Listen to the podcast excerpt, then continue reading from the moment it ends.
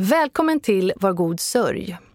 Manda och hennes gäster pratar om sorg, glädje och om hur livet ändå fortsätter. Kom ihåg att de är endast experter på sin egen sorg och förlust. Om du eller någon du känner mår dåligt, sök hjälp. Den finns att få.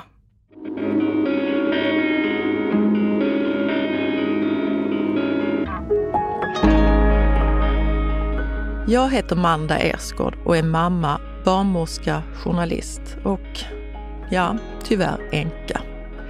Vintern 2019 knackade döden på min dörr. Brutalt och helt oväntat förlorade jag min man efter hans självmord. Jag upplever att möten med människor i sorg är så tabubelagt och skrämmande att det är lättare att inte prata alls. Så kan vi verkligen inte ha det. Vi måste våga öppna upp för det som skaver och inte alltid är så himla glatt. Jag ska träffa människor som drabbats och dela med sig av sin sorg och förlust i alla dess former. Men viktigast av allt, deras glädje, skratt och igenkänning. Faktum är att sorg faktiskt drabbar alla förr eller senare på ett eller annat vis.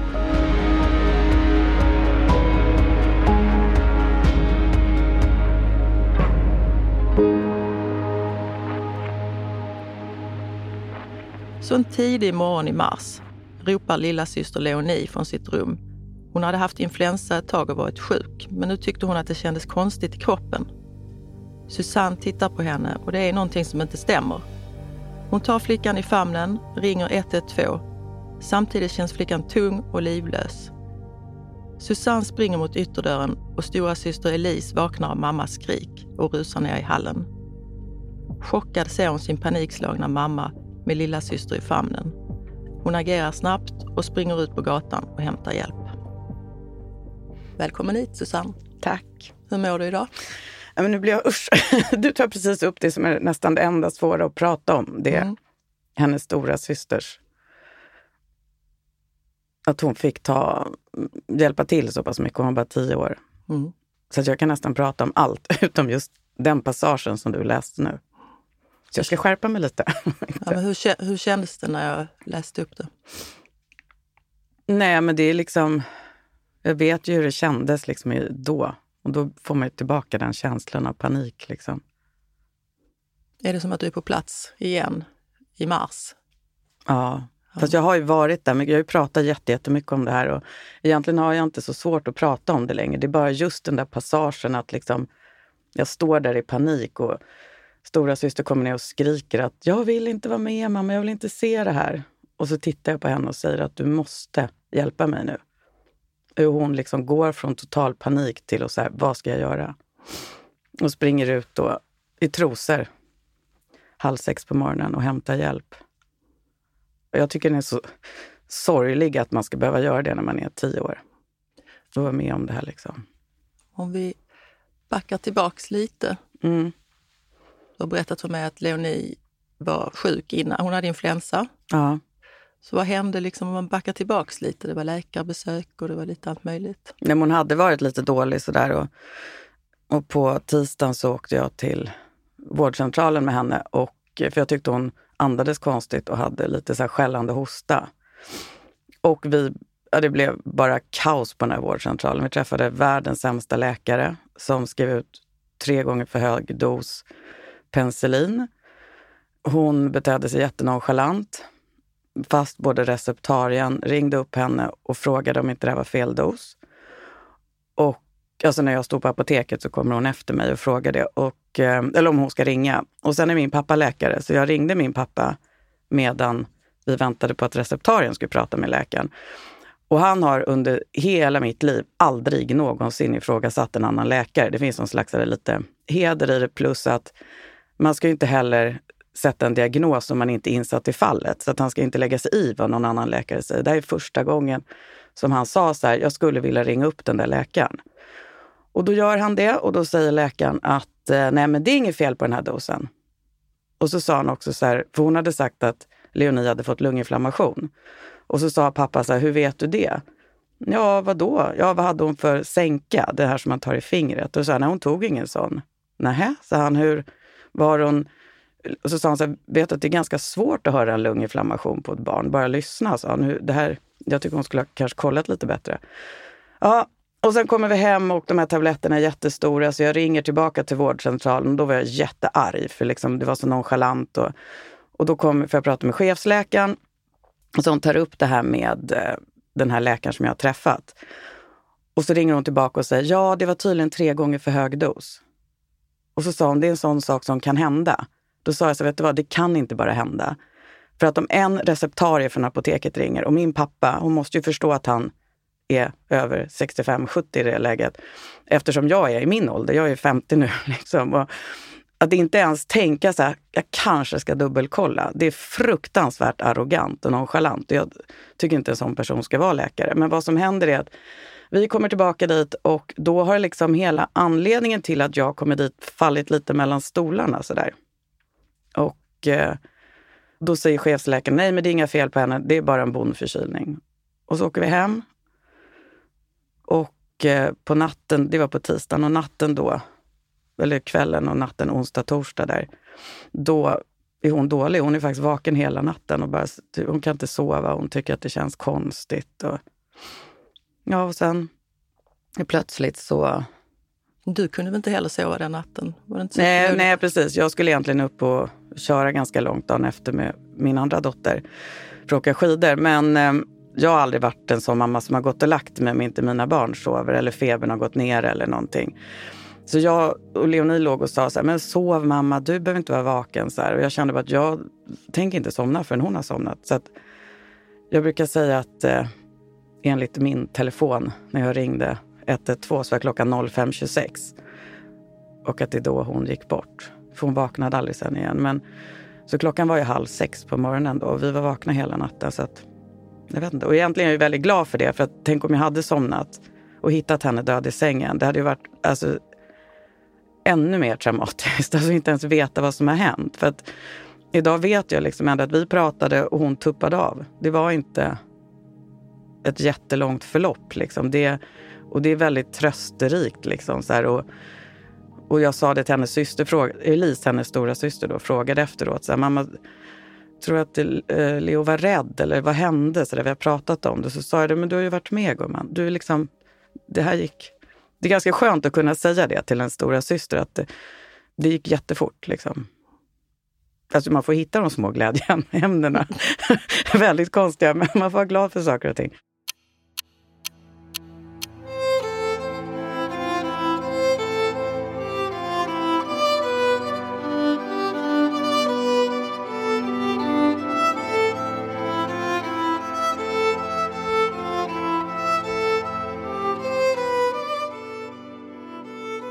Så, då, ni pratar ofta om det här hemma, du och stora syster?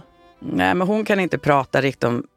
Jag tror hon har förträngt jättemycket. Hon kan inte prata om själva vad som hände. Men vi pratar jättemycket om Leonie. Hon är med hela tiden och det är så väldigt naturligt att prata om henne. Och allt från att ja, men, ta Leos gamla dator till att eh, vi kan ju skratta åt saker och jag och min dotter är ganska rå humor sådär liksom. Och det är ett sätt att handskas med det på ett annat sätt. Att, har till exempel en sån här liten eh, ansiktsservetts eh, vad ska man säga, paket. Och eh, det här är jättegammalt det här paketet. Det finns inga ansiktsservetter kvar, men det sitter en ung kvinna på den och hon ser ut som att jag tänker mig att Leo skulle se ut när hon kanske är i 20-årsåldern. Och så har jag sagt till Elisa att du får inte slänga det här paketet, du måste lova det. Och så säger hon så här, jag vet det mamma, men helt ärligt, var det här den, de drömmar du hade för henne? Att hon skulle bli så modell till en intimservett eller? och sådana saker. Det, så vi pratar mycket om det och skämtar. Och, alltså det, ja. Vi har ju liksom såklart varit jätteledsna tillsammans också. Men... men tycker inte du också att om inte man kan skratta emellanåt, hur ska man liksom mm. överleva då? Nej men vi har skrattat. Vi, alltså, vi har pratat med andra som varit med om fruktansvärda saker. Till slut när allt är så jäkligt, då finns det bara... Då kan du bara skratta åt skiten liksom. För det finns inget mer att... Man kan ju bara gråta till en viss gräns, eller vad man ska säga till slut. Ja, eller nej, det är fel. Det, ja, jag vet inte. Mm. Ja, jag tänker, nu stod ni där och mm. eh, nu går jag tillbaks mm. igen. Och så ringde stora syster Elise Nej, hon sprang ut på gatan. Ja, hon sprang så, ut på gatan, ja. Och där står en, eh, brödbilschaufför som hade... Hon vaknade av att jag tog med mig Leo i det här du började med att berätta att jag har lärt mig att springa ut på gatan och hämta hjälp. Så det var liksom min första... Jag tror mycket på att när en sak händer så agerar man som man har tänkt sig att det man har sett i liksom tänkt sig att man ska göra. Eller, alltså, du hinner inte tänka på något logiskt. Det här var ju säkert jättedumt agerande egentligen, att bara springa ut på gatan med henne. Men, och då ställde jag mig och skrek där liksom, på hjälp. Och jag vet ju att jag skrek så att jag liksom blödde ur halsen efteråt. Och jag vet att mina grannar har berättat tidigare att det där ljudet av mitt skrik är någonting som de hör när de ska sova. Alltså så, som en, så att folk hörde mig. Det var ju, då var det en brödbilschaufför där från Uzbekistan som hade kommit fram till grinden och frågat vad det var, för han hade ju hört mig skrika. Och Elise då springer ut till honom och så här som man har lärt sig på dagis, du vet, man har fått lära sig, för han förstår ju inte engelska och inte svenska, så att han, hon visar honom med fingrarna så här, 112, 112 säger hon, så här, att han ska ringa ambulans. Och eh, så gör vi det och jag tar luren och samtidigt har, vi, har det kommit en cyklist körande där.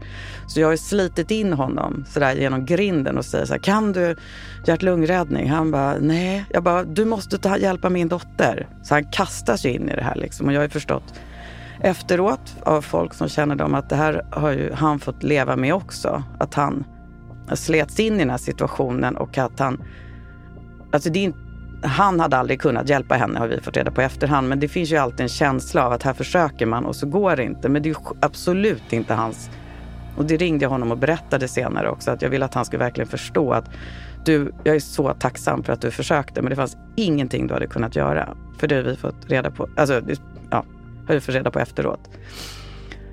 Och det är också en sån här konstig sak att i all den här tumulten så står den här brödbilschauffören där. Och han tar liksom hand om mig och Elise. Du vet, han försöker trösta oss, han försöker peppa. Jag vet att han ser honom göra tummen upp till mig sen, när ambulanspersonalen är där. Och, du vet, och det här man säger du vet, när någonting händer och man får något så band med någon i en sån här krissituation. Och han, både för mig och Lis långt efter, han var ju otroligt sådär, alltså, starkt minne av den här kvällen, i han, att han fanns där liksom för oss och kastas in i den här situationen och försöka hjälpa till. Liksom. Och så kommer vi då till de här... För några dagar senare så vaknar jag av att Elise skriker. Så här, han är här, han är här! skriker hon och bara rusar ner genom huset. Och klockan är kanske halv sju på morgonen. Och jag bara, vad pratar de om? Då står ju han där utanför vår grind. Och eh, och så tänker jag så här, han bara, du måste ta in honom i huset mamma. så här. Alltså då, då kommer han in och då har han en sån där app där man kan, han pratar ju då någon form av ryska, för han är från Uzbekistan. Och, så han har ju då övers, lagt in så att eh, telefonen säger så här, jag beklagar er dotter, hon var ett sånt vackert barn eller någonting. Och då så, det här är ju liksom, ja nu blir det känslosamt. Mm. Det här är ett av mina så här, viktigaste samtal jag har, det är att tacka den här personen. Så jag säger till honom så här, jag försöker visa, kan jag vända på appen? Kan jag skriva så du får höra? Och så då visar sig att det jag säger till honom, jag säger så här, tack, liksom försöker säga så här, eh, du är fantastisk, tack snälla. Liksom. Den här jäkla appen är inte helt kalibrerad med ryska tydligen. Så det den säger är så här, du är en pappa. Och så fortsätter det här. Och du vet, jag försöker och försöker och det blir bara fel. Till slut stod vi och skrattade alla tre. men han förstod ju ändå förmodligen vad jag ville få fram.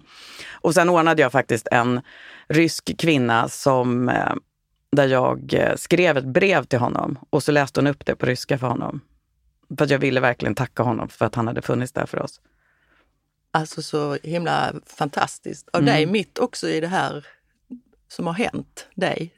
Och så, så hittar du en rysk kvinna som översätter. Ja. Det betyder jo, ju det... mycket för honom också. men jag, det där är också, man kan ju tycka, jag vill ju ha det gjort liksom. Men sen är det ju där också att jag var ju jätteeffektiv där vet du.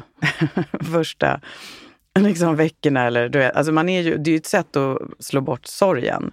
Jag ringde försäkringsbolag och jag ringde, pratade med polisen och jag pratade med sjukhuset och obducenter och alltså massa konstiga saker sådär som man gör bara för att slippa stanna till och tänka. Och vad gjorde stora syster här då, när du höll på med allt det där? Hon... Nej men vad vi gjorde var, som, det var nog ett av de finaste sak, var, hon dog ju där på torsdag morgon och natten mellan torsdag och fredag så skrev jag till mina två bästa kompisar Lotta och Nina, så skrev jag ett, ett sms och så sa jag så här, vi har inte riktigt förstått vad som har hänt än.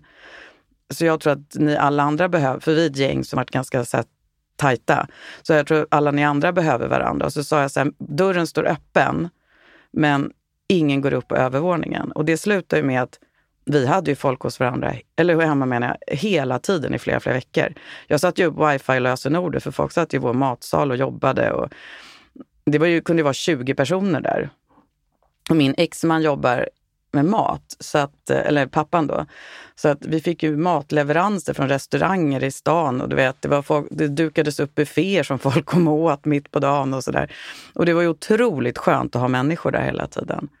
Och alla de som var där under den här perioden, man har insett det efteråt att vi har ju blivit så mycket tajtare. För att i en sån där situation så pratar man ju plötsligt om saker och ting på ett annat sätt.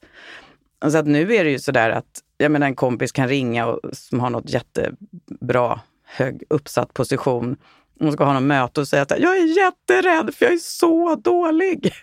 och du vet, erkänna sådana där saker. Att jag tycker det här är läskigt eller jag mår inget bra eller jag känner mig ful eller töntig. Eller, du vet, på ett helt annat sätt, liksom, att vi är mycket öppnare mot varandra. Så det tycker du har förändrat ja. hela ert lilla tajta gäng? Att ja. det är mer... Eh, mm. Mm. Eller det är ganska många som var där, så det är rätt... Men det är, jag vet inte, alla som var där mycket, har kommit varandra mycket närmare. Liksom.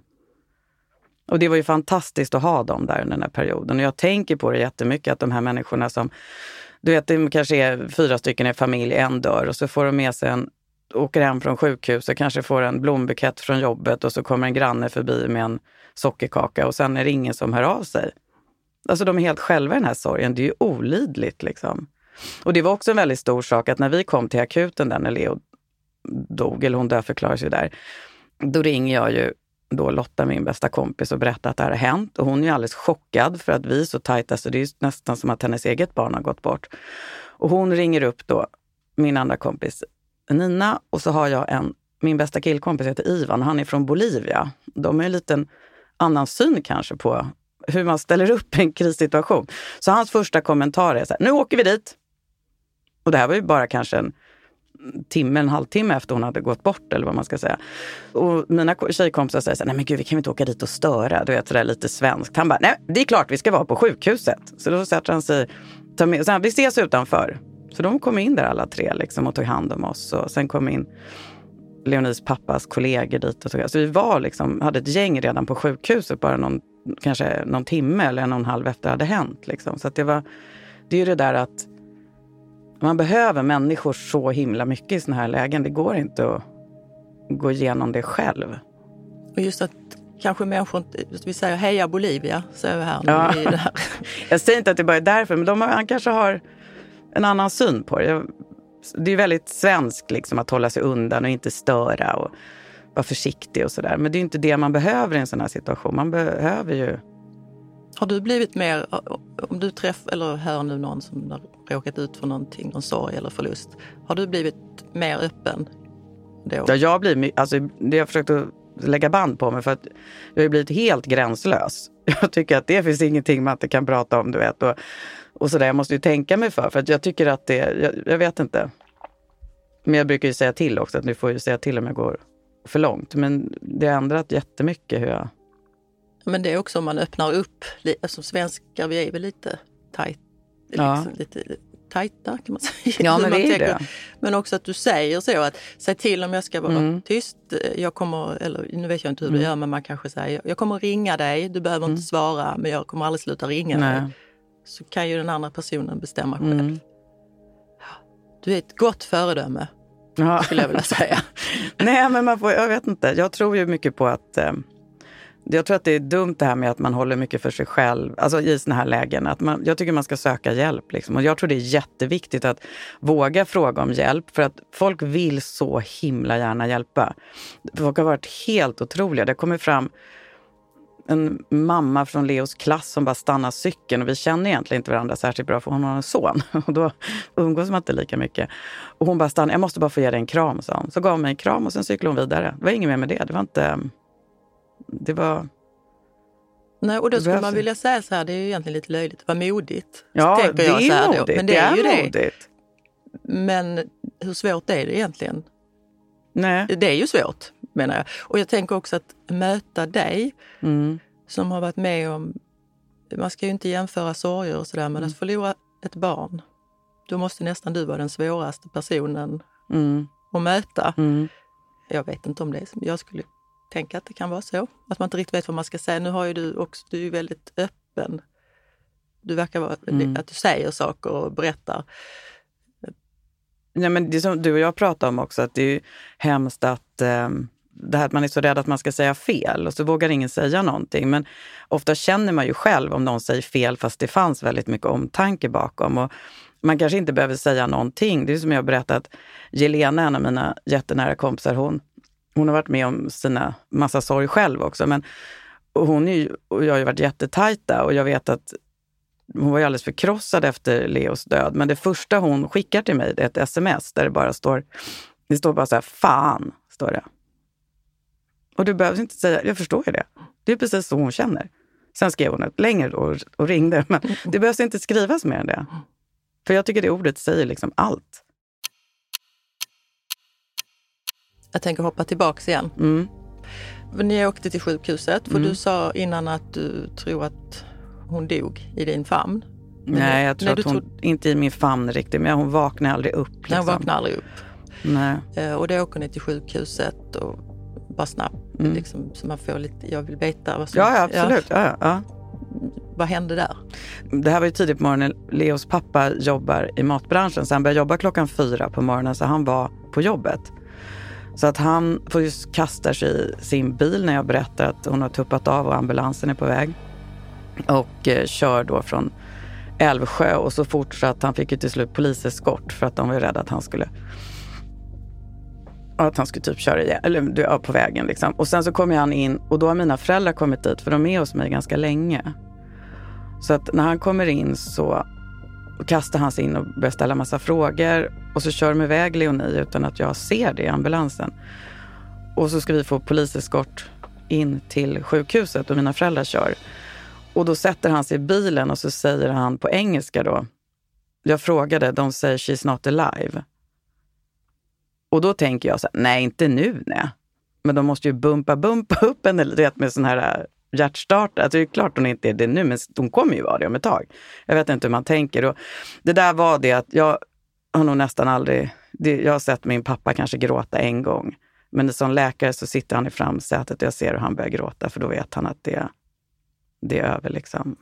Och så kommer vi in, men jag tänker mig fortfarande kanske att de kan få igång henne. Och då står de med henne i ett akutrum och eh, jag och Jonas, min exman, går in där och då så de håller på då och gör ge henne hjärtmassage och jag kommer in där som någon så här, men det är så här, jag, pappa är läkare, mamma är sjuksköterska, jag har någon sån här, fått det där i mig. Så jag börjar rabbla alla. Så här, hon har fick en Alvedon, hon hade en sänka på under fem. Hon, du vet, så här, som en galning. Och den här läkaren bara tittar på mig så här, ja, okej. Du kör en S-bar. Situationen är... Och Ja. typ så här som, Ja, ja, jag vet inte, och bara börjar rabbla. Det var det du gjorde. Ja. Och, ehm, och sen så står vi där och så till slut så säger den här läkaren till mig, säger så här, han, eller hon försöker få min uppmärksamhet, säger Susanne, Susanne, säger hon så här. Nu har vi försökt här i, jag kommer inte ihåg vad hon sa, en timme eller någonting. Det barn vi eventuellt kan få tillbaka är inte det barn du vill ha. Och det slår, och det där är någonting i det där liksom att man kan ju, man inser ju det att det vore ju en större sorg att få tillbaka henne som inte haft ordentlig syresättning då liksom på jättelänge. Som en paket. Att hon ska leva i det. Alltså den sorgen är mycket, mycket tyngre än att jag ska uppleva min egen sorg liksom av att hon inte är här. Det hade ju varit helt fruktansvärt såklart efter så lång tid. Om, alltså det låter kanske jättekonstigt men att liksom... Och sen sa han, ah, det finns ingenting vi kan göra. Och det här är ju det är ju som en dimma. Liksom. Man är ju med, det är som när jag berättar om det nu.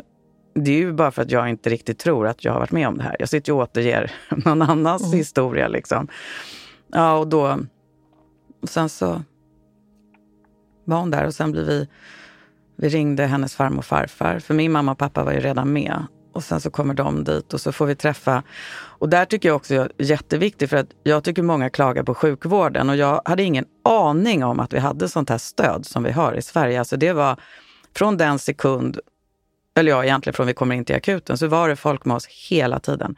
Vi fick träffa läkare som pratade med oss och jag var ju, vi visste ju inte varför hon hade dött. Liksom. Vi hade ingen aning eh, egentligen. Eh, så jag var ju orolig för Elise, hennes stora syster. Så jag sa det till den här första läkaren vi fick träffa. Så sa jag så här, vad är det här? Ska vi kolla? Och så tittade jag mot Elise och han bara, nej, säger han, det är ingenting. Du behöver inte kolla henne. För jag var tänkt att jag fått något jätteläskigt virus eller någonting.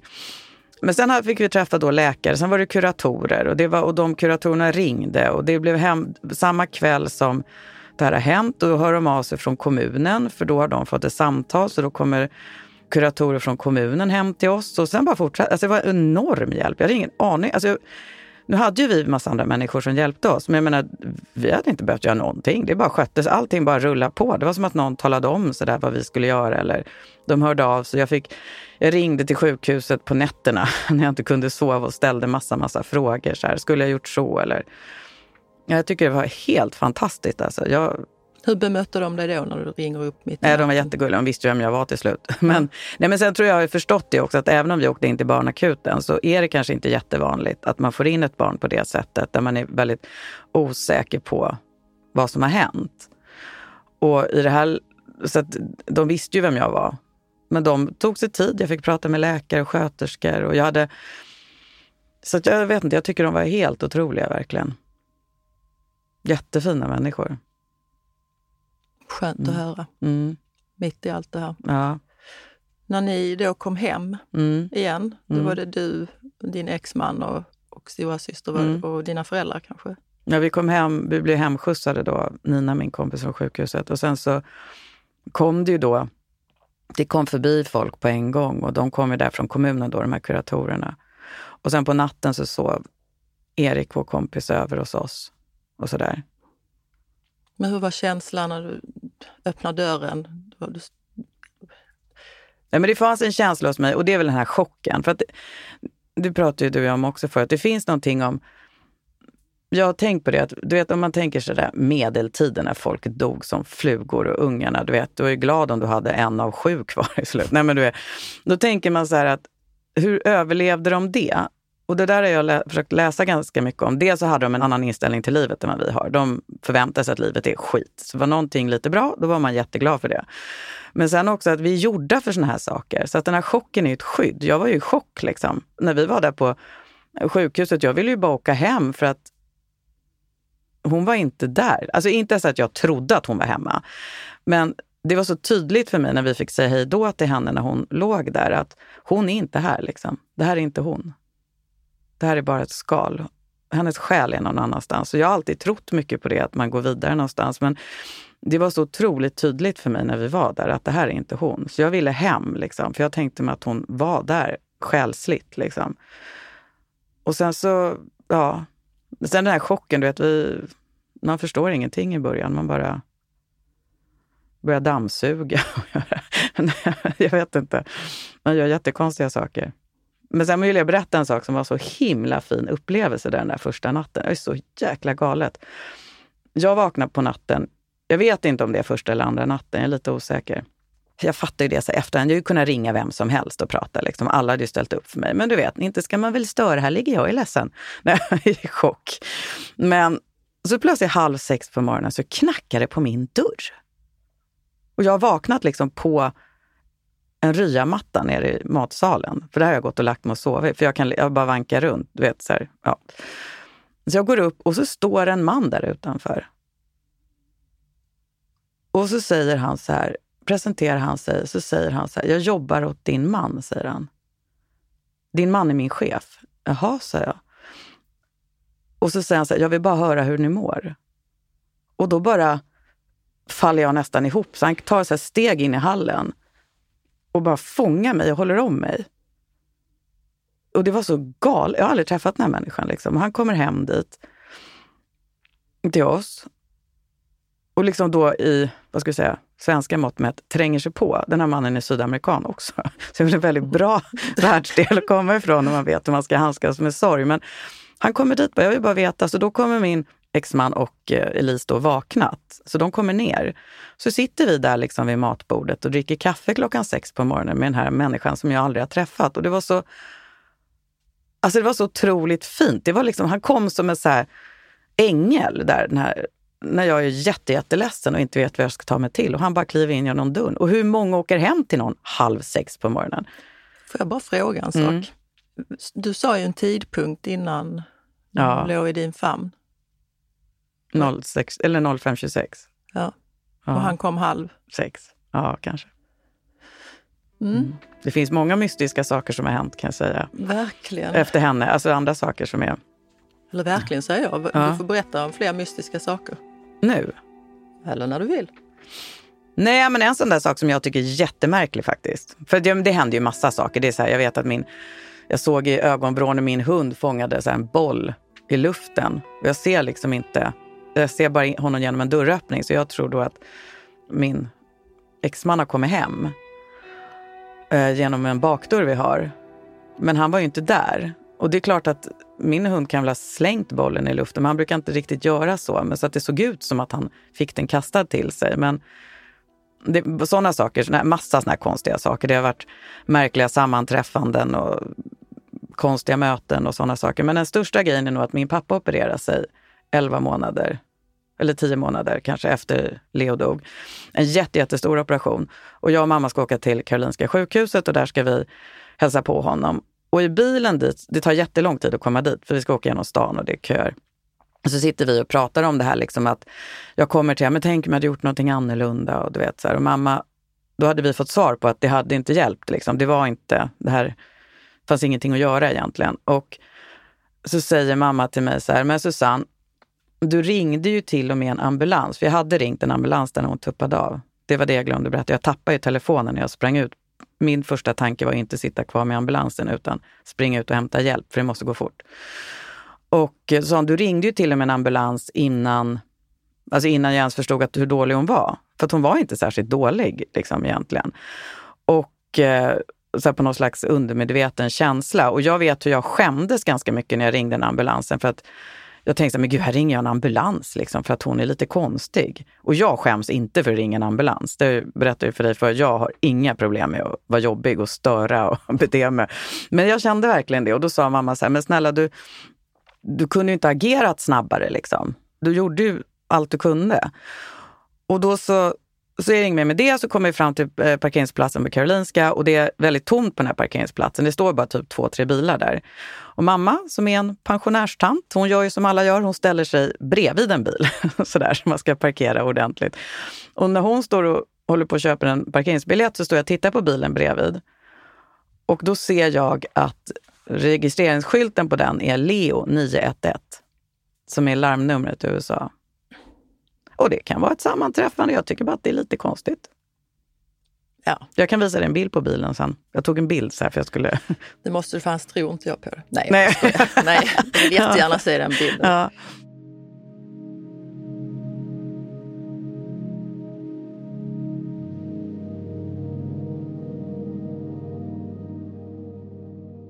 Får jag kalla henne Leo? Eller Leo. Ja, Leo, ja. Leo. Hon kallas Leo, Leo. Som ju såklart var hur söt mm. och fin som helst. Men mm. hur... Hon var åtta och ett halvt. Ja, åtta och ett halvt. Hon gick i tvåan. Gick i tvåan. Mm. Hur var hon som barn? Vad var det för en liten flicka? Hon var otroligt söt, väldigt glad. Hon hade liksom två lägen. Det var jätteglad eller skitarg, men liksom inte sur eller något. Sen var hon lite gränslös, eller ganska gränslös. Hon var liksom, tog för sig och du vet, fanns över, liksom med överallt och pratade med folk och du vet, hon höll på. Och sen så, det var det som var också väldigt eller gulligt eller vad man ska säga. Hon gick i en skola som har då från nollan till trean. Och eh, sen fick jag ju höra det efteråt när man träffar på folk att eh, det var ju väldigt många föräldrar som visste vem hon var i alla klasser.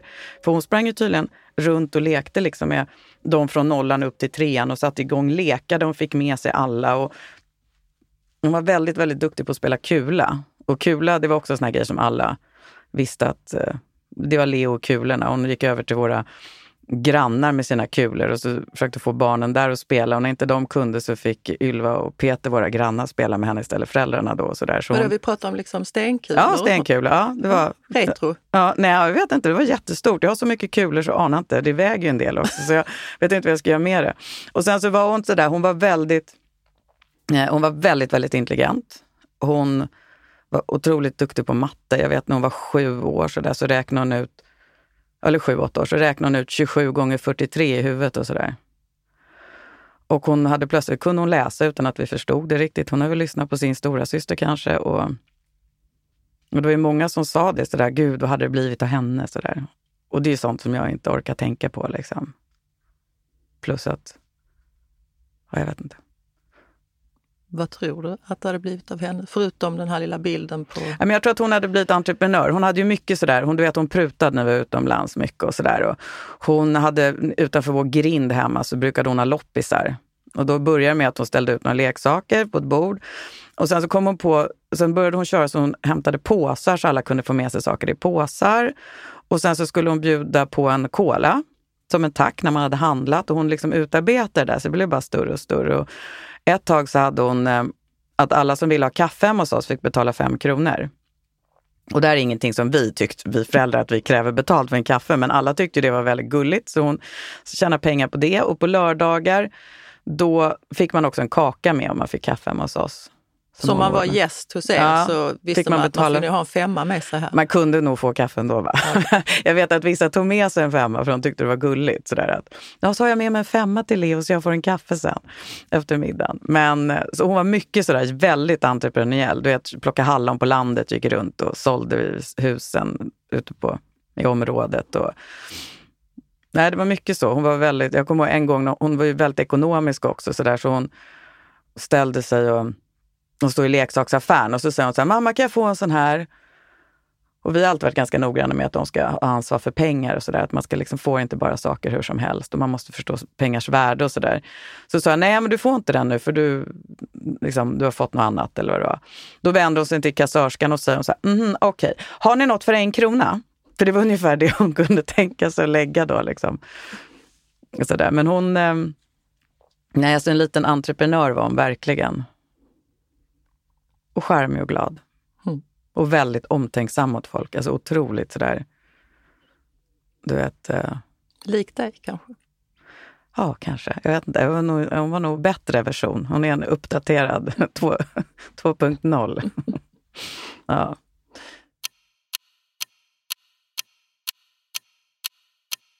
Jag tänker när ni hade alla de här människorna runt er mm. hela tiden, det är ju fantastiskt att ni, och att du kände att saker hände och gjordes mm. för er så ni slapp tänka. Så tänker jag ändå när man, det här fruktansvärda som hände, att det fanns ju, det är den här sorgen, det är din sorg mm. och sen är det pappans sorg och dina föräldrars sorg och systerns sorg. Och mm. sen tänker jag på den här sorgen för att Leo inte kunde uppfylla sina, ja, sina drömmar mm. kanske, eller det du nu har suttit och berättat. Hur, hur hanterar man alla de... Han du med din egen sorg? Det är det här jag ska komma till till slut. Det var en mm. lång harang. Han du sörja där, mitt i alltihop? Eller har du ja, gjort det jag efter? gjorde det. Jag fick hjälpa min kusin Henrik mycket som är psykoterapeut. Han brukade hjälpa mig. För jag var så rädd att släppa, för jag var så rädd att man skulle hamna i så svart hål, liksom aldrig komma upp. Då hade han så övningar med mig, hur jag skulle våga släppa liksom lite och så. Och sen så... Och det är ju liksom, det är ju... Det var ju mycket sorg. Det var ju skrika i kudde och, liksom, jag, och körde bil, för det är ju det är ju ett jättebra ställe att skrika på. Liksom. Man kan skrika hur mycket man vill. Och så där. Men sen vet jag också att jag hade, det tog väl kanske jag vet faktiskt inte riktigt. Jag är lite, vissa saker är lite svart, liksom, eller tidsmässigt och sådär. Men kanske något år efter hon hade gått bort. Och då hade vi skilt oss också. Då ringer min kompis Jeanette mig en dag och säger så här, nu är det så här, jag har bokat en terapeut till dig. Du ska vara där klockan ett på fredag. Jag kommer hämta dig halv ett, så kör jag dit dig. Och jag bara, okej. Okay. Så här, och då hade hon bara tagit itu med det. För hon sa så här, du måste göra det här nu. Liksom. Du kan inte, nu är det dags att du tar hand om dig själv och din sorg. Och det var så otroligt liksom omtänksamt att göra en sån sak och verkligen boka någonting till mig. Hon hade tagit reda på en, en kvinna som hon hade fått massa tips om och kollat upp och hon var helt fantastisk. Så jag gick där sen då i typ två år kanske. Och då gjorde man ju så här traumabearbetning och, och sådana saker där. Liksom. Och, eller man får gå igenom vad som har hänt. Och, ja. Så det var ju väldigt, väldigt viktigt. Det kommer ju upp liksom när man hamnar i sånt där, dels är det ju, kommer det upp massa andra saker såklart, att det kommer fram andra saker. Men också jag tror att, jag brukar prata, man pratar med lite folk om det, att man har som en verktygslåda med sig genom livet, vad man har varit med om. Så där, som alltså man kan använda i såna här lägen. Och en sån sak var att eh, jag beslöt mig liksom morgonen efter hon hade gått bort så var det så att jag måste tänka mig vad som hände den här, alltså igår då, eller vad man ska säga. För att det är ungefär som att se en skräckfilm. Att den är ju läskig liksom, så här gång en, två, tre, fyra. Gång tolv är den ju inte lika läskig. Och då så satt jag och liksom såg det här scenariet framför mig hela tiden. Liksom allt som har hänt sådär, som en film. Och då sa min dåvarande svärmor till dig så här, men Susanne, du håller ju på KBT, säger hon. Och jag har gått på KBT tidigare, så det var väl kanske ett naturligt sätt att handskas med alla de här läskiga bilderna och du vet, allt det här. Då har man ju, och det finns fler sådana saker som inser att man använder det man har med sig. Liksom. Man måste, alla har sina saker som kan hjälpa en i en sån här situation om man tillåter sig på något sätt. Ja, det är väl viktigt att tänka på också att även traumatiska saker som har hänt i livet, att kunna plocka fram dem. Mm. Det kan ju du då, du plockar fram vad sa du, du KBT-ade? Ja, men så KBT, kognitiv ja, beteende. Ja. Alltså att jag satt och liksom, du vet, så här, klappade en spindel fast mm. jag klappade den här situationen, eller du vet, såg den framför mig ja. massa, massa, massa gånger tills det inte är så läskigt. Men också ha det att du hade den förmågan att liksom plocka in de här som din ja. verktygslåda, öppna mm. upp den. Och jag tror vi alla har saker med oss genom livet och att man tänker efter. Man behöver liksom inte göra allting som man tror ju så att allting ska följa ett visst mönster eller någonting, men det kanske inte funkar för alla människor. Jag tror att det, eller det gör ju inte det. Liksom. Man måste nog våga, liksom, hur ska jag hjälpa mig själv? Så här, ta reda på det. Liksom. Hur kan jag hjälpa mig själv nu i den här situationen?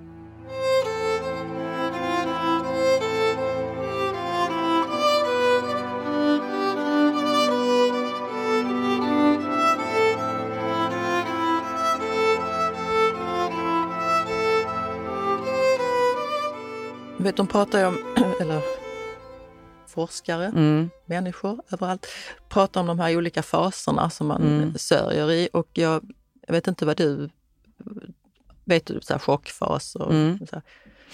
Tycker du att du har sörjt i faser eller kommer det som, är det lite Nej, men jag, när det faller på? Kanske i faser, men sen är det också så att det kommer ju upp på alla möjliga konster. Det är som att man det går som i vågor. Liksom. Min kusin, förklar, han psykoterapeuten, han förklarar för mig att sorg är som en påse. Och du ska tömma påsen. Sen är frågan hur du gör det. Antingen så tömmer du hela påsen på en gång. Eller så ska du, får du tömma liksom lite i taget. Men ut ska det komma. Och det är väl det som kanske händer också om man inte handskas med sin sorg eller försöker att liksom göra något, alltså sörja ordentligt. Det är att den där påsen blir ju aldrig tömd på riktigt. Liksom. Så den, den tar ju aldrig slut. Och slut har det inte såklart om man kanske är med om att man förlorar någon. Men jag tror att många som inte gör någonting åt det, de får dras med den där påsen mycket, mycket, mycket längre. Liksom. Jag vet inte. Men din psykoterapeutkompis? Mm. Nej, det är min kusin. Ja. Nej, det är kusin, mm. ja. Mm. Och kompis också. Ja. Eh, du sa att han hade gett dig olika, eh, vad sa du nu? Eh, Nej, men små övningar. övningar ja. Finns det en som du kan... Nej, men han sa till exempel, jag var jätterädd att jag skulle hamna i det där svarta hålet. Och då sa han så här, äh, så jag bara, jag kan inte tänka på det, jag kan inte tänka på det, du vet sådär. Och då så säger han så här, han ställde någon, någon ganska trivial fråga, så sa han så här, vad... Alltså jag kommer inte exakt ihåg det, men som jag uppfattar det att han säger till mig att typ så här, vad hände på sjukhuset eller något? Eller någonting sånt där. Och så säger jag det, bara berättar så här, bra. Där öppnade du, sa han. Och sen stängde du till igen. Du kan välja att stänga, säger han så här.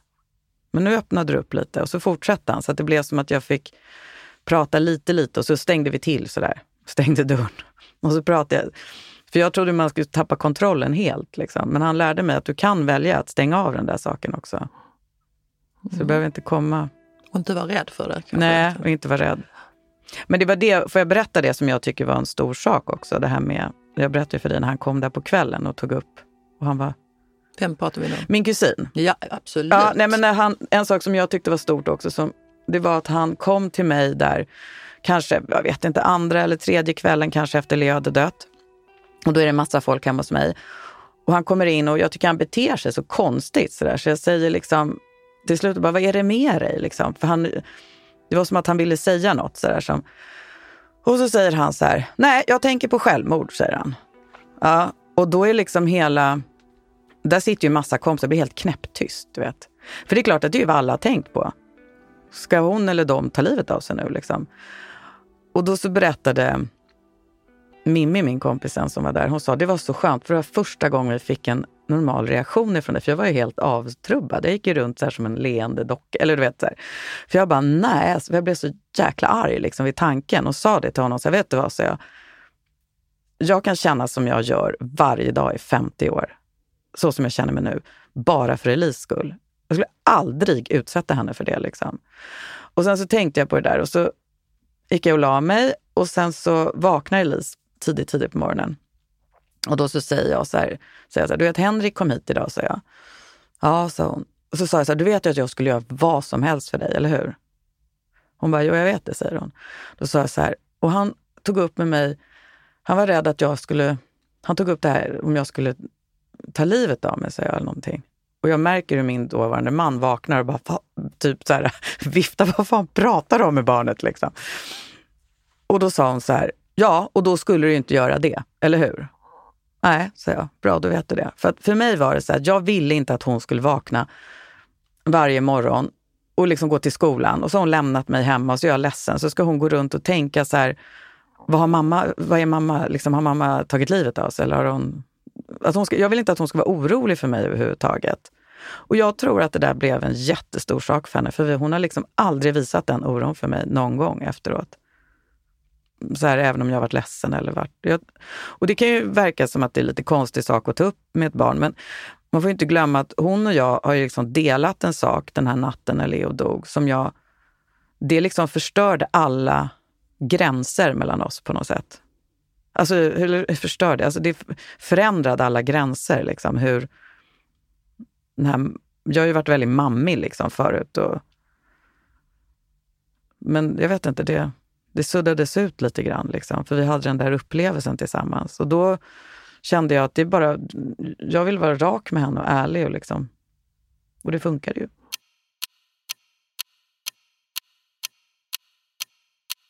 Hur är ert förhållande? Hur tycker du att det utvecklades efter det här? Eftersom, som du säger, att hon var ju med. Ni har det här tillsammans. Nej, men den stora saken var att hon hade en terapeut som kom hem till oss flera gånger och så sa terapeuten en dag så här att Elise och jag skulle vilja prata med dig om en sak. Och då, jag kommer inte ihåg exakt hur hon uttryckte sig, men det hon ville berätta var att innan det här händer med Leo, då har Elise då kanske sett mig som en superhjälte. Nej, så här, mamma fixar allt och jag har alltid varit väldigt så här, noggrann med att säga så här, jag tar hand om det, du behöver inte ta ansvar för det här. Då, jag hjälper dig om någonting händer och sådär. Och den här morgonen då när jag liksom tittar på henne där när Leo liksom har tuppat av. Jag tittar henne i ögonen och säger du måste hjälpa mig nu. Och hon liksom skärper ihop sig, springer ut och hämtar hjälp i bara trosor. Och då förstördes ju det här, för då var det så här som att, vadå, mamma kan inte fixa allting. Jag måste ju uppenbarligen hjälpa henne. Så att jag förlorade den rollen liksom där. Och hon förstod ju det med logiken. Det var inte så att hon inte förstod att det här var en extrem situation. Och, men liksom själva känslan på något sätt, den här tryggheten i att mamma löser allting. Jag behöver inte vara rädd. Den förstördes ju. Och det är också en del i det där att gränser suddas ut på vissa sätt. Sådär att det är svår, för sen var det ju väldigt, väldigt svårt i många år efter att Typ om hon kanske var sjuk och hon var rädd och säga jag det händer ingenting, jag har koll på det här. Alltså jag, skulle, jag kan ju inte säga det till henne längre, även om jag har ju koll på henne såklart. Och, därför att jag hade ingen trovärdighet liksom i min sådär mamma fixar allt-roll. Eller jag lovar dig att det är på det här sättet. Eller du vet, det är svårt att säga. Alltså, jag vet inte. Så nu är det... Ja. Men ni är nära varandra, det hade ni ju säkert varit ändå. Jo, men vi är jättenära, jätte, jätte, jättenära varandra verkligen. Så det... Pratar ni ofta om Leo? Ja, det gör vi. Fast mer på ett sådär roligt sätt. Liksom. Eller du vet, mm. skämtar eller... Hon var jättedålig förra året. Elise var jättedålig influensa. Och, så, och det är klart att jag går ju... Alltså du vet, oh, jag, kan, jag kan inte andas. Liksom, hon, nu är hon äldre och det känns ju skönt. Hur gammal är hon nu? Hon är 18. Men ändå, sådär, och jag går runt där och låtsas som att ja, men det här är ingen fara. och så skriver hon ett sms som ligger nere i mitt sovrum. Och så skriver hon ett sms till mig. Så Mamma, jag tycker att det här är läskigt. Ja, vad då för något? Ja, att jag är sjuk. Nej, men varför är det läskigt? säger jag lite glatt sådär. och hon, då skriver hon så här. Ja, nu råkar det vara så att min syrra dog ju när hon var sjuk. Influensa, säger hon. Ja, jag bara, jo, det ska jag säga. Ja, just det, attans, ska jag tillbaka sådär. För det är så vi pratar. Men det där finns ju, hon har ju... När Leo dog så trodde vi att, de trodde först att hon gick bort i um, hjärtmuskelinflammation. Och sen gjorde de en obduktion på henne så kom de på att det här var som en slags blodförgiftning på virus ungefär, en sepsis. Eller kanske att hela kroppen kollapsar, lite det som har hänt nu under corona med unga som går bort. Att det liksom men kroppen börjar motarbeta sig själv på något sätt. Det var ju inte hemligt på något sätt.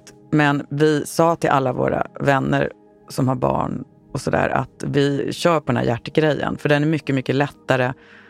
Jag menar, tänk dig själv så här, året efter när influensan kommer igen. Och det skulle skapa så här masshysteri liksom, bland barnen. Så att det blev så där att det var hjärtat liksom. För barnens skull då. Och eh, och, sen så glömde vi liksom bort att berätta det för henne, att det inte var hjärtat. Så att jag tror bara att det var, det var flera år efter som hon fick reda på att det inte var så. Men det har ju skapat mycket ångest hos henne. Och, hon, och varför jag berättar det här är för att hon själv pratar om det. Att hon har haft, det har varit mycket sådär att hon har varit rädd och hon har fått hjälp med det. Men för det är klart att... För även för henne måste det ju gå upp och ner. Ja, ja absolut. Tror du att hon pratar om det, eh, med dig? Nu ska vi inte prata om vad hon... Mm. Men du, att hon pratar med dig när hon känner sig ledsen? Jag tror hon gör det, men sen var det också så där, det är där liksom att man säger saker, att vi pratar väldigt öppet med varandra. Att jag sa till henne, alltså inte alls särskilt långt efter Leo hade dött, så sa jag så här, för jag och Leo var väldigt lika, så där, att vi vi säger så här, vi, jag älskar dig och, så där, och du är så, jag är så glad att jag har dig. Sådana saker sa vi till varandra. Medan Elisa har ju varit så, jag har ju viskat till henne. Jag, när hon var bebis så kunde jag ligga och viska i hennes öra så här, när hon sov. Så här, jag älskar dig, jag älskar dig. Bara för att jag ville att hon skulle liksom, tänka att, så här, undermedvetet suga åt så här, budskapet. Men hon säger ju inte det tillbaka. Hon är inte lika... Alltså hon, hon är mer tillstängd än vad Leo var på vissa sätt. Så jag sa till henne sådär att hade det varit Leo som var kvar, så till henne, så hade jag vetat hur jag ska trösta henne. Men jag vet inte hur jag kan trösta dig. Liksom. Du måste berätta för mig hur jag kan hjälpa dig. För jag vet inte riktigt vad det är du behöver av mig. Jag vill vara där för dig. Och då sa hon så här, nej men det räcker att, att vara som, liksom, som det är. Jag säger till, säger hon. Så här, ja. Tycker du att du har blivit mer överbeskyddande? Nej, faktiskt inte. Och det är ganska konstigt, för jag var nog en av de nojigaste mammorna i hela norra Europa innan det här hände.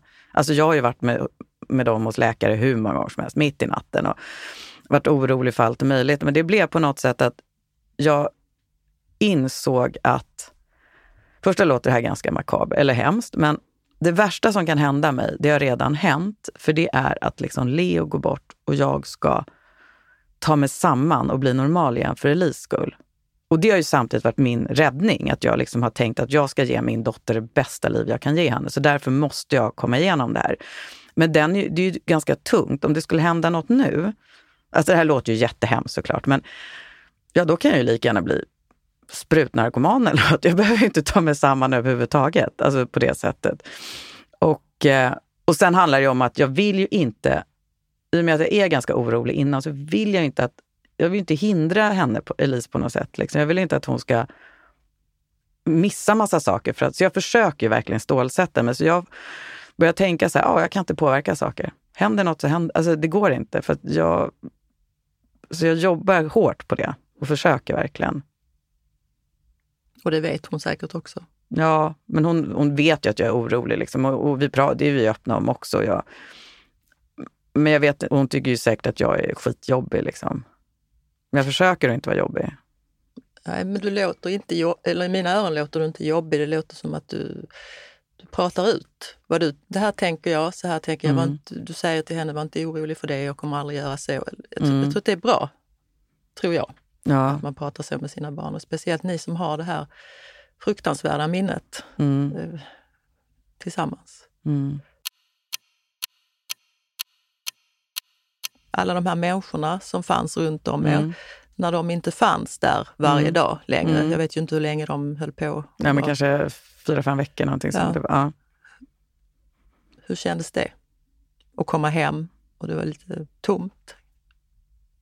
Nej, men det var ju, jag kommer nästan inte ihåg, det är mycket, vissa saker är bara blockerade. Det var ju liksom jätte, jättemärkligt. Men sen har jag ju lärt mig en sak också, det här med att en stor sak som hjälpte mig, det var att när jag insåg att jag ska inte kämpa för att ställa allt till rätta, eller alltså få tillbaka mitt gamla liv, utan jag måste se det här som en början på ett nytt liv. Alltså jag kan inte försöka reparera saker, utan nu är det så här, okej, nu har vi nya förutsättningar. Nu skapar jag ett nytt liv. För då behöver man inte tänka lika mycket på hur mycket som saknas, liksom, utan det här är ett nytt liv. Nu gör vi på ett annat sätt. Och det tyckte jag var mycket lättare tankesätt, liksom, att inte försöka gå tillbaka till det gamla bara. Och då blev det också så att i början var det ju jätte, jättejobbigt, kommer jag ihåg. Så här, fredagar tyckte jag var fruktansvärda, för annars så brukar man ju gå och handla mat och, och vi ska se på Idol, nej men någonting. Men eh, och det var så fruktansvärt jobbigt att gå där i affären och alla går och fredagshandlar liksom, och så ska vi gå hem där och så är vi liksom en man kort. Men det blir inte samma sak. Liksom. Det var alltså, fruktansvärt plågsamt var det. Men så säger de ju också så här att man brukar säga, nej men tiden läker inte alla sår. Nej, det gör det kanske inte, men det, tid är jätteviktigt för man vänjer sig. Sakta så ändrar du ditt liv. Liksom. Idag, jag, det här med fredagarna kom jag på, bara tror jag efter du och jag pratade för några veckor sedan, att gud, det är en sån här grej jag inte alls tänker på på samma sätt längre. Liksom. För för mig var det så mycket så här familjen, du vet man går och handlar tacos typ och ska vi se tv och så men man vänjer sig av med de här sakerna och det är mycket sådana som att man vänjer sig. Och jag hade som ett mål också när jag gick i min terapi att jag vill komma till en punkt där jag och Elise har det jättebra tillsammans utan att ordet trots att Leo inte är där finns med i den meningen, utan att vi har det bra. Det ska inte vara trots att Leo är borta, liksom, utan det ska, vi ska ha det bra själva, liksom, hon och jag. Är du rädd för att nu när hon flyttar iväg och Mm. står på egna ben, att det blir e- ensamt och tyst? Nu lägger jag orden i din mun. Vad vet Ja. jag hur du känner? Nej men, jag, nej, men jag är väldigt bra på att vara själv, för det första. Jag är lite så här social enstöring, kallar min moster mig. Men, så jag gillar att vara själv också. Så har jag en pojkvän som jag är jätteglad för. Och- jag med. Jag är Ja, också glad för ja, det. det var jättekul. Du blev så glad när vi ja, fick höra det. Du har pratat mycket om att du och eh, Elise, att ni använder den här humorn, att den Mm. kan bli lite... Vad tror du, eh, för, det vet ju jag att du gör eh, som ett, eh, ska man kalla det det här namnet verktyg Mm. då också, tror jag att man gör det för att kanske skydda sig själv Mm. ibland. Men hur är det när andra skämtar tillbaks? Nej, men det tycker jag bara är, är bra. Alltså, vi satt på en middag flera stycken och så säger Lotta, min kompis, eller de satt och berättade att Elise var så väluppfostrad. Och att hon har skött sig ganska väl under sina tonårsår. Liksom. Och så säger Lotta sådär inför allihopa, ja, hade den andra varit kvar, då hade det nog blivit lite mer svajigt tror jag. och det här är ju liksom jag och min före detta svägerska som var där och Lotta, vi skrattar ju jättemycket åt det här. Medan, därför att det är ju verkligen så, hon var ju lite gränslös och smågalen eller hittade på roliga saker sådär. Medan de andra vid det här bordet, de blev helt så här, vad säger hon? Så, här, så kan man ju inte säga, du vet. Liksom. Men det är ju så. Det är, det är ju kärlek liksom, i det. Men gör inte det också att hon kommer upp naturligt? Jo, Så att ni inte behöver... Jag vet inte, hur gör ni när ni minns? Nej, men det är en sak som jag tänkte faktiskt upp, som jag tycker varit en sån här sak som jag har sagt till Elisa. Att hon har haft perioder när hon på något sätt jämför sig med Leo. Och liksom eller jämfört, men hon kanske, ja hon var så söt. Så här. Jag bara, men du är jätte, jättesöt också. Liksom. Och så har jag sagt till henne, så här, jag vill inte att du, du får inte jämföra med Leo, så jag. För det första så tar du upp en, nu vill inte jag på något sätt prata skit om min döda dotter, men hon hade ju massa egenskaper som inte var bra, eller vad man ska säga, som Elise däremot jätte verkligen var. Eller förstår du? Man, hon är ju, alla är ju bara människor. Liksom. Det är ju inget dåliga saker. Men det är så lätt att om någon går och dör så ska man den personen blir lite helgonförklarad. Liksom. Och så sa jag, du kan ju inte jämföra det med någon som under flera år har hon inte kunnat göra något fel alls, liksom, hon var död. Nej, men då kan man ju inte jämföra sig med någon. Det blir sån... Nej, hon får inte... Nej. Det är lätt att liksom bara fastna i det där. Den här personen blir liksom ofelbar på något sätt. Och det är inte så att jag säger att hon har massa fel på något sätt. Det hade hon ju verkligen inte. Men utifrån ett syskonperspektiv, liksom, att det här är min, så får hon bara höra massa roliga saker. Leo var så rolig och hon var så smart och det var så kul. Och det, du vet, sånt där. Det är ju väldigt... Det är ju Elise också, liksom. men det blir så, som att hon... Ja, men förlåt, det blir en lång harang. Jag vet inte hur jag ska förklara, men jag vill inte att hon ska jämföras i alla fall, för det är svårt att göra det med någon som inte finns där. Liksom. Mm. Kan du höra Leos röst fortfarande? Ja. Jag har försökt hålla kvar det. Jag kan känna så här hur det känns att hålla hennes hand. Och hur det är att klappa henne på kinden, hur det känns. Jag har försökt att tänka på det mycket för jag vill ha kvar de så här minnena. Sen har jag ju filmer och sånt på henne som man kollar på. Liksom. För just det där med röster kan ju försvinna. Men jag kanske har, för när du säger det så tänker jag så här. Jo, hon hade så där lite ljus men lite hes röst så där tror jag. Ja. Men sen är det för att det finns ju filmer så vi liksom, som man har som jag tittar på. Såklart. Mm. När du tänker tillbaks på det mm. som hände, eh, har du någonsin haft någon så skuld eller skamkänsla? Eh, varför gjorde jag inte så? Varför gjorde jag inte... Nej men alltså jag hade, det har man ju såklart. Men det var det att jag fick jättemycket bra hjälp i det. Att det fanns liksom, dels så var det därför att jag tog, vi tog Elise till en jätte, jätteduktig hjärtläkare för jag ville kolla igenom henne. Då, det var när vi trodde det var hjärtat då. Och då läste han igenom en sån här journal, eller vad man ska säga, alltså hela händelseförloppet när Leo dog. Och då berättade den här hjärtläkaren att jag, jag, kan inte riktigt förklara, men om du tänker dig en muskel kan ju ha en så här en spänn, eller du är barnmorska så du vet, den kan ju ha spänning i sig på något sätt. Att, ungefär som att du sätter två elektroder till en filé ungefär så kan ju den hoppa till. Den ska reagera och då visar det sig att hennes hjärta reagerade aldrig. Det var liksom helt dött. Så det spelar ingen roll hur mycket hjärt-lungräddning man gjorde eller sådana saker. Det var liksom dött redan. Och sen så var det också så här, med alltså konstiga glädjeämnen efter en sån här sak. att ett och, ja, vad blir ett och ett halvt år efter hon dog så flyttade in två tjejer hem till mig som skulle plugga på Lidingö där jag bor. Och de bodde långt ifrån skolan, så de bodde hos mig. Så att, och den ena tjejens pappa är barnkirurg och chefsläkare på stort sjukhus och är väldigt kunnig. Så en lördag så får han se hennes obduktionsprotokoll och följer och säger, så går han igenom så här, vad som har hänt och så han, säger han så här, ja, hade jag varit där hemma istället för mig då, då hade jag inte fixat den här situationen. Jag bara, nähä. Hade det stått en sån här specialistambulans utanför på gatan precis när det här händer, så började han tänka nej, de hade inte fixat den här situationen. Hade du varit på ett av de två sjukhus i Sverige som har en sån här hjärnlunga, tror jag att det heter, eller en sån här maskin där man... Då hade det kanske funnits några procents chans att vi hade klarat henne. Och det är ju som att säga att det var kört. Helt. Och det, det är så knäppt. Och jag var så glad. Liksom. Jag bara, det här är den bästa lördagen någonsin. Alltså över en så jäkla konstig grej. Att det, var, nej, det var helt ute med henne. För det ger ju mig liksom en... För annars finns ju hela tiden de där tankarna. Tänk om jag hade gjort så, tänk om jag hade gjort så. Eller du vet. Men, och det är klart att de finns ju ändå. Men det var väldigt skönt att få det liksom bekräftat. Sådär att jag gjorde... Ja, man gjorde så gott man kunde, liksom, men det hjälpte inte. Och det var inte... För det var liksom redan kört på något sätt. Och sen har jag ju sett såna här fall där barn dör i influensa och det har jag hittat på olika sätt. Och det är ju ofta ett väldigt, väldigt snabbt förlopp liksom, som är svårt att hindra.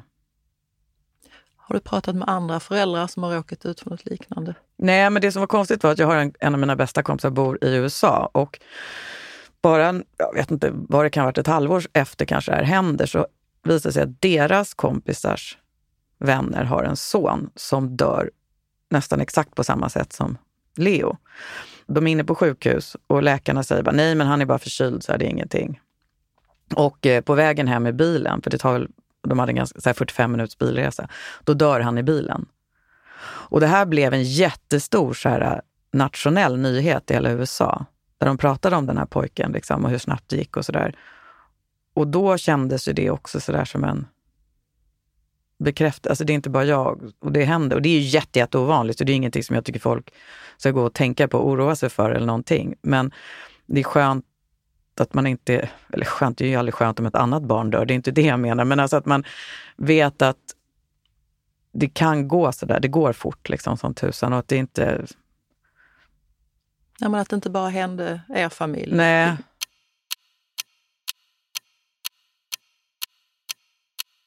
Finns det stunder när du känner så att nu bara du går in i sorgen fortfarande? Såklart du gör, men jag menar de här mörka stunderna. Nej, men lite, men inte lika mycket. Den här julen till exempel tycker jag har varit ganska jobbig.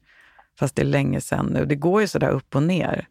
Men däremot det som var intressant var att jag har inte, faktiskt en kompis till mig, hennes, eh, hennes bror dog för massa, massa år sedan. Och så berättade hon att hennes pappa hade sagt sådär att Alltså hon berättade det långt innan Leo dog. Så berättade hon att han hade sagt att ja, men det tog väl en sån där åtta år tills jag kunde känna lycka igen.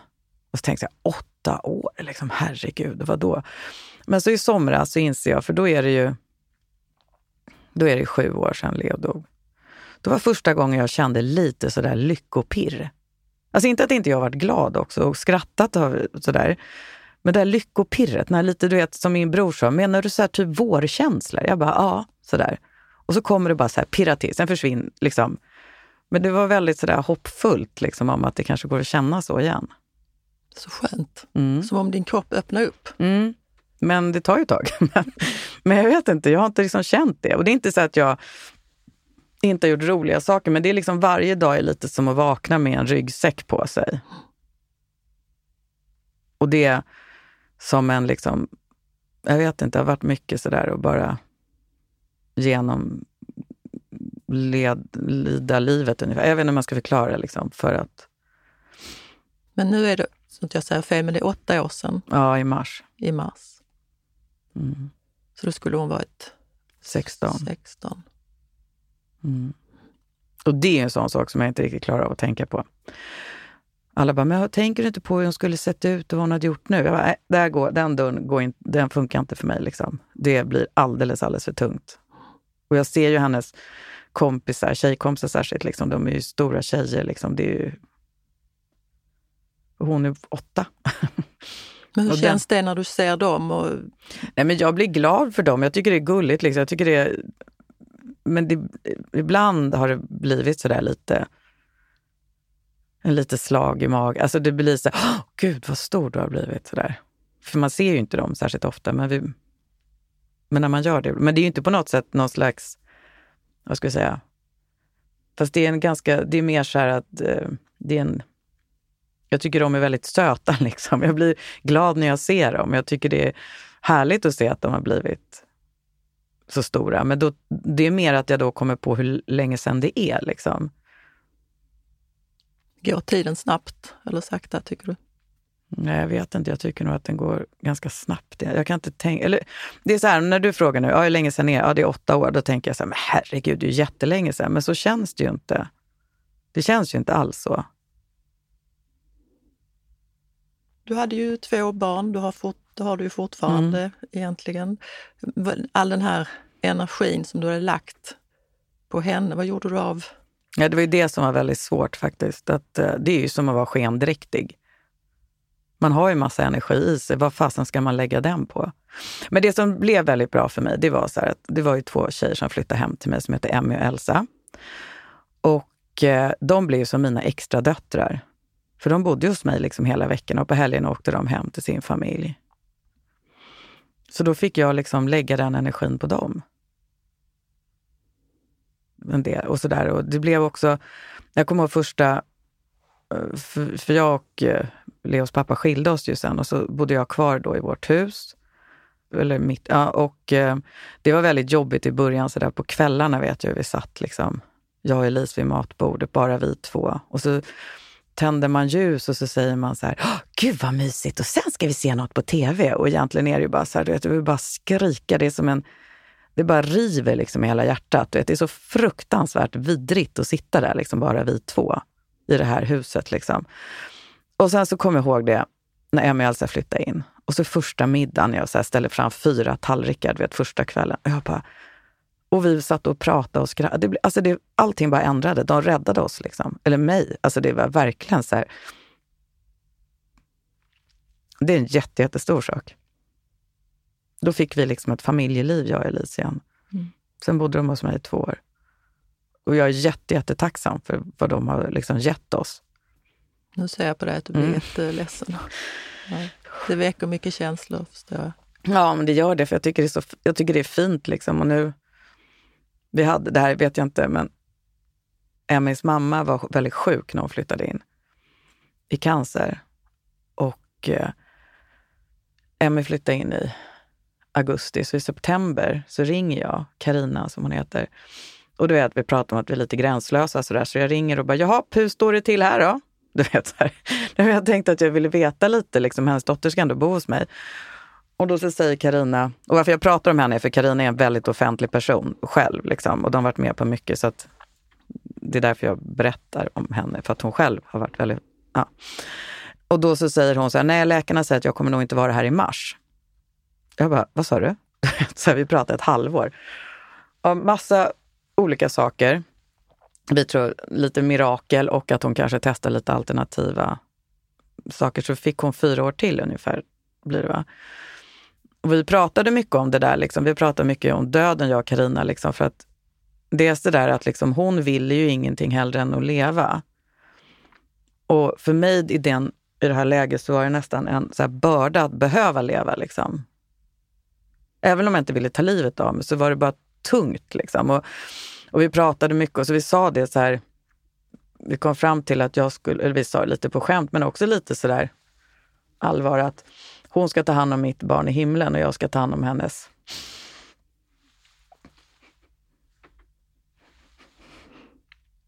Usch, förlåt. Ja.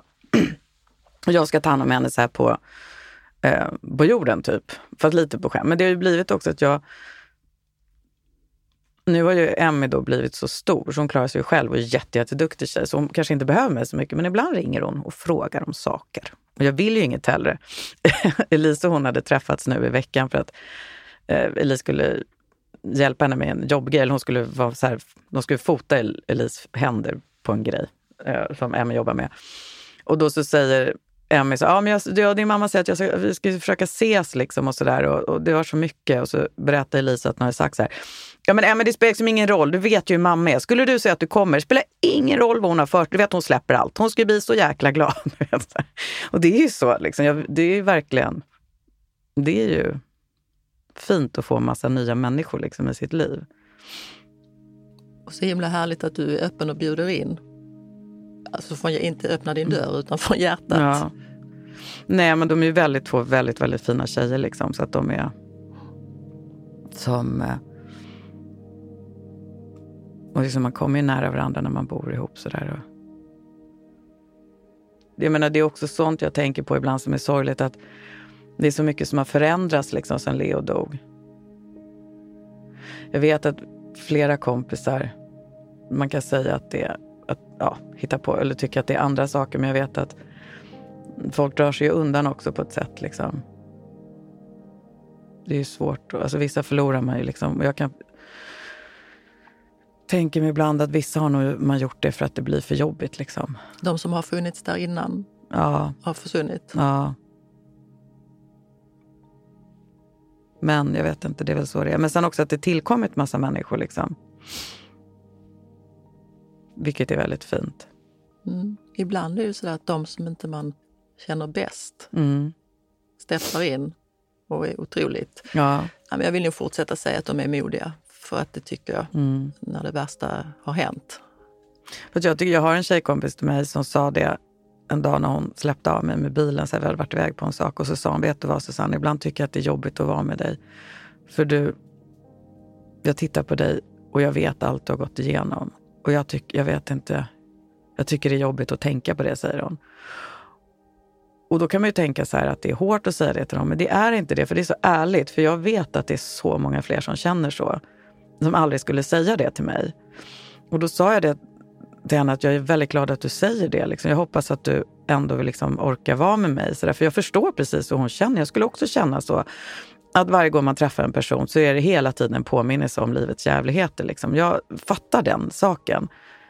Men jag är ju glad att hon var så öppen med mig om det, för då kunde vi prata om det också. Vi är fortfarande jättebra kompisar, så det är liksom... Det är så, jag tycker det är viktigt att man vågar... Man ska vara lite öppna och säga vad man tycker och hur det känns. Jag tror, tror det är bättre. Ja, och kanske inte vara så rädd för att säga som till dig då, om du har någon kompis som, som du sa innan att de ringer och säger usch jag är så dålig, jag ska Mm. det här. Hennes eh, panik, Mm. att du kan få ta hand om henne Mm. tillbaka. Att inte vara så Mm. rädd för att säga sin egen, ja man är ledsen över någonting Mm. för att du vill ju hjälpa tillbaka. Eller? Men det där har jag varit jättenoga med, för det är fler som säger, det är de här som alltid kommer med så här. Ja, så nu är inte det här alls lika hemskt som det du har varit med om. Men, och så känner man, så har jag sagt det så att det går liksom inte att jämföra sorg. Liksom. Det är helt, det är så här, jag menar om någons förälder är sjuk eller, liksom, eller går bort, alltså det spelar väl ingen roll i deras sorg om min dotter har gått bort. Alltså någon slags här rankningsskala över hemska saker. Det hjälper ju inte. De är ju fortfarande skitledsna. Liksom, så, jag menar, det är väl helt ointressant. Någon kan ju vara jätteledsen för att de har förlorat jobbet. Liksom. Det är klart att de med logiken vet, ja det kunde ju varit värre. Liksom. Men det hjälper ju inte. Alltså, de är ju fortfarande jätteledsna. Då måste man ju våga säga det. Liksom. Det kan ju inte vara att ingen vågar berätta det för mig för att det skulle vara mindre jobbigt än det jag har varit med om. Alltså det funkar ju inte. Nej. Däremot måste jag säga en sak, att jag inser ju en sak, att jag har fått lite sämre tålamod med människor som inte rycker upp sig. Ibland. Alltså efter ett tag. Du vet de här som... Kom det nu, liksom Ja. på äldre dag höll jag på att säga. Men, Nej men efter Leo ja. lite grann. Alltså lite så att jag blir lite så här, åh gud skärp dig. Du vet.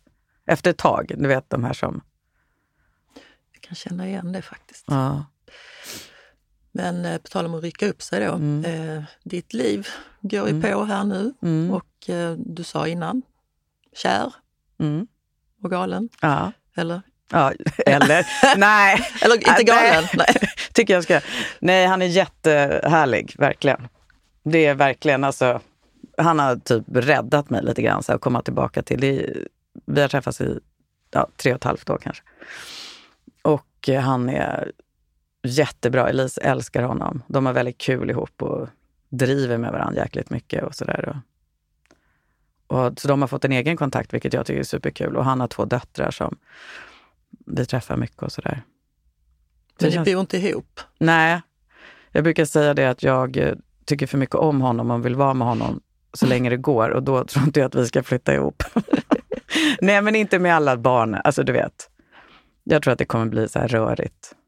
Nu är de så stora så de kommer ju snart flytta allihopa. Kanske, eller jag vill ju inte det så, men jag tycker att många jag känner som har flyttat ihop, det blir inte så himla lätt alltså med två helt olika familjer som ska... Vi har det bra som vi har det. Hans do- dotter sover hos mig eller de kommer ut i landet eller döttrarna. Så alltså det är liksom, Mysigt. ja, det är jättehärligt och jag har försökt att förklara att de får vara hos mig hur mycket de vill och då kan man vara på det sättet liksom istället. Sådär. Vi får göra ytterligare ett program om det. Jag tycker det är så spännande.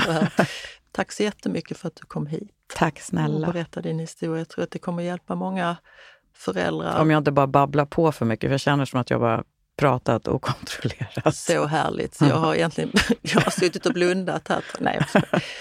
Ja. Nej, jätte, jättefint. Tack så mycket. Tack snälla själv.